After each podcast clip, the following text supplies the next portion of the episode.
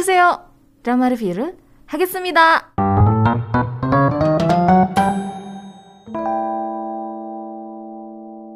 Iya, udah siap kena spoiler? Tenang aja guys, walaupun memang akan mengandung spoiler, tapi aku sebisa mungkin nggak spill semua sampai detail sejelas-jelasnya drama ini tentang apa nggak. Jadi tetap ada beberapa part yang aku keep supaya teman-teman juga bisa tetap menikmati ketika nonton dan bisa tetap penasaran. Oke, langsung aja ya. Drama ini kan diadaptasi dari webtoon ya. Drama See You In My 19 Life ini diadaptasi dari webtoon dengan judul yang sama. Tapi memang ada beberapa perbedaan antara drama dan webtoonnya. Apa aja perbedaannya? Yang pertama adalah pertemuan pertama dari Yoon Joo Won sama Moon Soha itu beda antara webtoon dan drama. Kalau di drama kan mereka tuh pertama kali ketemu waktu Yoon Joo Won lagi ngelukis ceritanya di pinggir lapangan sekolah gitu, di bawah daun-daunan pohon-pohon gitu. Terus si Moon Soha lagi lari-lari, nabrak. Nggak minta maaf lagi Moon Sohanya. Malah pergi gitu aja. Nyebelin memang nih anak waktu kecil. Nggak tahu kenapa. Mungkin dia bingung bagaimana mengekspresikannya kali ya. Mungkin. Itu ya. Sementara kalau di webtoonnya tuh, pertemuan pertamanya tuh terjadi di rumah Moon Soha. Waktu Yoon Juwon lagi uh, datang sama mamahnya. Ya memang sih sebenarnya sama aja di drama gitu. Cuman di drama pun uh, ketemu pertamanya tuh ya di lapangan dulu baru di rumahnya walaupun memang sama-sama ada scene di rumahnya itu uh, yang mereka akhirnya berantem di perpustakaan tuh. Itunya sama sih cuman bedanya di situ doang. Ketemunya pas lagi lukis terus ditabrak. Terus musuhannya lari gitu aja kabur. Sampai Yunjo ini teriak ya! Oke, okay, terus di drama ada scene di mana Yoon Won tuh kaget. Karena, hah, aku bisa tertarik itu sama Moon Soha halusnya sih gitu. Tapi kalau lebih jelasnya lagi aku jatuh cinta dengan Moon Soha. Ah, gitu. Tapi dia nggak pernah menghindar dari Moon Soha. Walaupun dia sadar dia suka dia nggak pernah menghindar. Tapi tetap ada di sisi anak itu. Sementara kalau di webtoon Yun Won itu sempat menghindar dari Moon Soha. Kenapa? Karena dia sadar kalau dia udah suka sama Moon Soha. Dan gimana caranya nih supaya perasaannya bisa bisa tertahan gitu supaya nggak terlalu dalam akhirnya dia milih untuk menjauh sebentar Reasonnya kenapa? Karena dari sekian belas kehidupan yang sudah dia alami, dia tentunya pernah mengalami patah hati kan, jadi dia nggak mau ngalamin lagi gitu. Makanya dia milih untuk menjauh. Tapi ya walaupun nantinya balik lagi gitu. Terus ada momen pas Yun Juwon ngaku kalau dia tuh pernah hidup berkali-kali. Ini juga agak beda. Ini sebenarnya antara mau jujur tapi dibalut dengan uh, bercanda gitu. Kalau di drama kan Yun Juwon tuh ngaku di perpustakaan tuh habis pertemuan yang pertama kedua berarti kan kalau di drama kan di perpustakaan rumahnya Moon Soha Terus dia bilang kalau dia tuh punya satu rahasia, dia tuh udah hidup berkali-kali gitu, udah reinkarnasi berkali-kali. Cuma Moon Sohanya nggak percaya. Terus dia malah mikir kalau Yun itu penyihir. Soalnya memang pasti perpustakaan itu si Moon Soha tuh lagi pegang buku tentang penyihir. Makanya begitu Yun Juwon bilang gitu, dia bilang kamu penyihir ya, karena dia lagi pegang buku itu. Sementara kalau di webtoon, Yun Juwon tuh ngaku kalau dia pernah hidup berkali-kali setelah mereka jauh, udah jaga jarak nih. Terus pokoknya something happen, Moon Soha nunggu di depan rumah Juwon sambil hujan-hujanan. Ala-ala drama Korea banget ya. Nah, di situ baru Yun Juwon yang ngaku kalau dia tuh sebenarnya udah hidup berkali-kali gitu. Terus soal kerjaan Banjian juga itu beda ya. Kalau di webtoon tuh nggak ditunjukin dengan jelas kerjaannya tuh apa, sebagai apa. Cuma diceritain dia tuh asisten manajer termuda. Perusahaannya juga nggak diceritain di mana. Dan pokoknya dia cuman sukses dengan project-project besar, pencapaian dia luar biasa banget lah. Sementara di drama kan detail banget tuh ya, dia kerja sebagai apa, pencapaiannya seperti apa, itu detail banget. Terus posisi atau jabatan Banjian di Hotel Mi hotel punyanya Ban Soha, eh Ban Soha. Aduh, hotel punya Soha itu juga beda gitu. Kalau versi drama kan kayak nggak jelas ya, nggak punya jabatan khusus gitu. Karena memang Moon Sohanya bilang e, kemampuan kamu tuh di atas rata-rata pekerja di sini. Jadi saya bingung mau nempatin kamu di mana. Ya pokoknya kamu bantu aja pekerjaan yang memang membutuhkan bantuan kamu intinya gitu sih. Kalau di webtoon itu jelas banget dibilang kalau dia itu gabung ke tim sales dan marketing. Makanya dia bantuin teman-teman gimana caranya untuk mempromosikan hotel mie ini supaya bisa berkembang gitu. Terus perbedaan selanjutnya adalah alat bantu denger yang dipakai oleh Moon. Jadi kan di drama ini tuh Moon Soha kan ini terganggu semenjak kecelakaan kan. Dia jadi kurang bisa gitu mendengar, makanya dia butuh alat bantu dengar. Di drama dia selalu pakai alat bantu itu, walaupun memang kadang dia lepas tapi dia pakai lah gitu. Sementara kalau di webtoon sama sekali dia nggak pakai alat bantu dengar, walaupun pendengarnya bermasalah. Nah inilah yang akhirnya dijadikan sebagai um, kayak alat untuk menghancurkan Moon Soha gitu. Terus berikutnya pekerjaan Yun Chowon, ini dedeknya Yun Juwon ya. Uh, itu juga beda. Kalau di drama kan dia kerja jadi florist, punya kebun bunga yang besar sekali dengan bunga-bunga yang cantik-cantik. Kalau di webtoon dia kerja di WW Entertainment. Gitu. Jadi lumayan beda. Terus karakter Ha Do Yun kalau di versi drama kan kelihatan lebih baik ya. Walaupun memang sama-sama dingin, tapi lebih apa ya bahasanya lebih baik lah gitu uh, sedingin dinginnya dia dia masih ada perhatiannya masih ada care-carenya gitu kalau di webtoon tuh lebih kejem aduh aku pengen spill tapi uh, aku tahan dulu lah. Ini salah satu yang bikin penasaran sebenarnya. Pokoknya dia lebih kejam kalau di webtoon ya. Lebih bikin kita tuh jadi uh, aduh Yun kamu itu kurang lebih gitulah ya. Aduh, Grace tuh pengen spill tapi pengen bikin kalian penasaran juga gitu. Terus kalau di webtoon itu nggak ada adegan banjian jago nari flamenco ataupun akordeon itu nggak ada.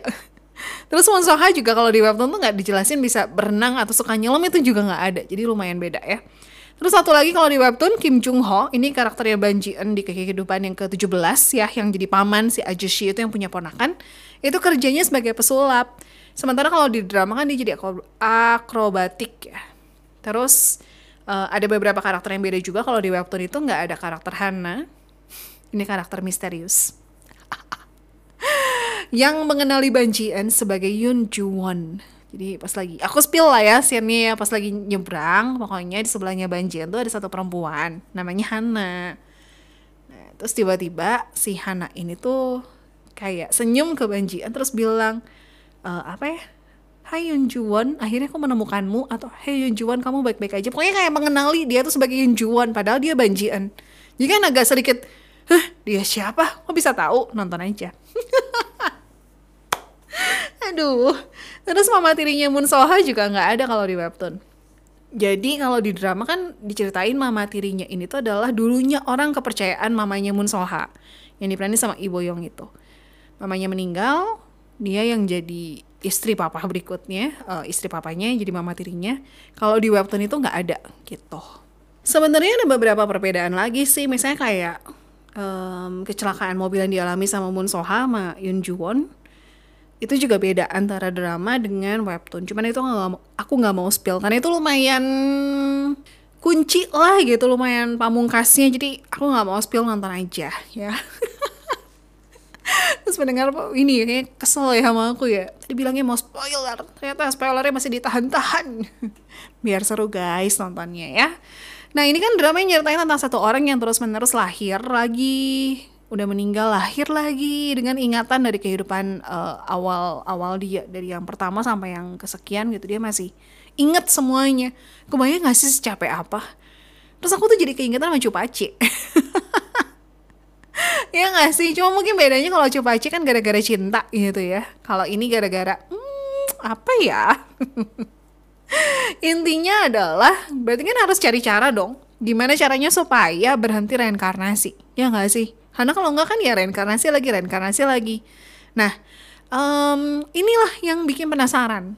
Gimana sih caranya supaya dia bisa berhenti reinkarnasi Aku spill sedikit. Jadi alasan utama kenapa Banjian bisa mengingat seluruh masa lalunya dari kehidupan pertamanya itu gara-gara ya risannya apa yang terjadi di masa lalunya. Di kehidupan yang pertama, Banjian adalah seorang perempuan bernama Su yang punya kembaran namanya Sol. Keluarga mereka mengalami masalah karena konflik politik sampai akhirnya saudara kembar ini harus pergi bersembunyi dan masalahnya nggak cuma sampai di situ doang, tapi ini juga melibatkan orang-orang di sekitar mereka. Su bahkan harus putus dengan tunangannya yang bernama Jute. Karena masalah ini gitu. Nah, singkat cerita, saudara kembar ini pokoknya tinggal di satu rumah persembunyian.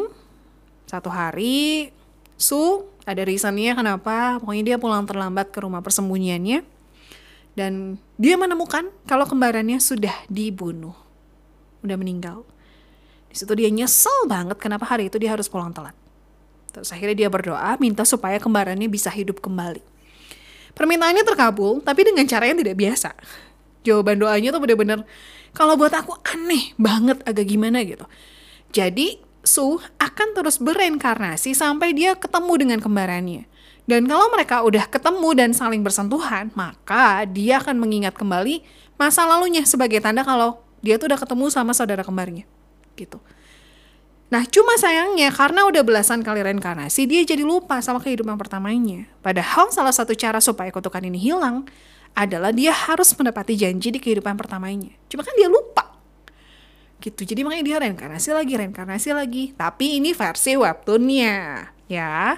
Kalau versi dramanya, ada beberapa karakter di kehidupan yang ke-19 ini yang ternyata ada di kehidupan yang pertamanya.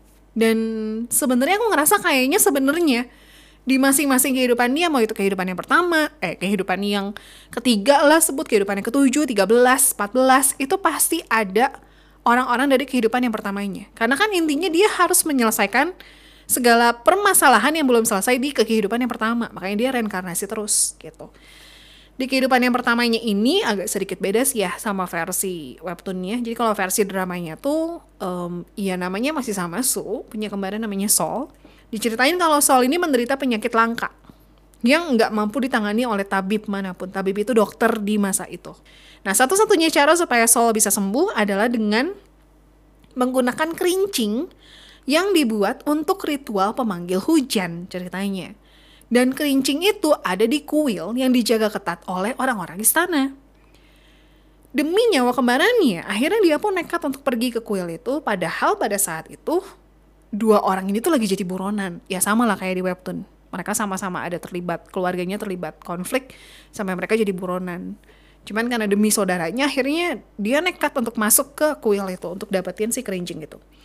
Singkatnya pokoknya dia ketangkep, Su ketangkep dan walaupun udah coba jelasin reason kenapa dia ngambil kerincing itu untuk menyelamatkan kembarannya, tapi tetap aja orang-orang kerajaan tuh nggak mau peduli gitu. Kamu udah ngambil, kamu salah ya tetap dihukum gitu. Nah singkatnya pokoknya akhirnya si kembarannya Sol itu menawarkan diri untuk bersedia mengabdi kepada langit seumur hidupnya. Karena pada saat itu kan mau diadain ritual memanggil hujan nih. Akhirnya singkatnya pokoknya sat sat sat sat Solnya kebunuh, Sunya sakit hati banget lihat kembarannya mati. Gitu. Nah karena dendam inilah, karena dia sakit hati karena saudaranya dibunuh, akhirnya dia um, berusaha untuk balas dendam Cuman pas mau balas dendam, aksinya kehalang sama asisten si pembunuh. Nah, malah si asisten ini yang ketusuk dan yang menarik adalah si asisten ini tuh bilang, bawahan lah ya. Asisten kesannya kayak modern banget ya.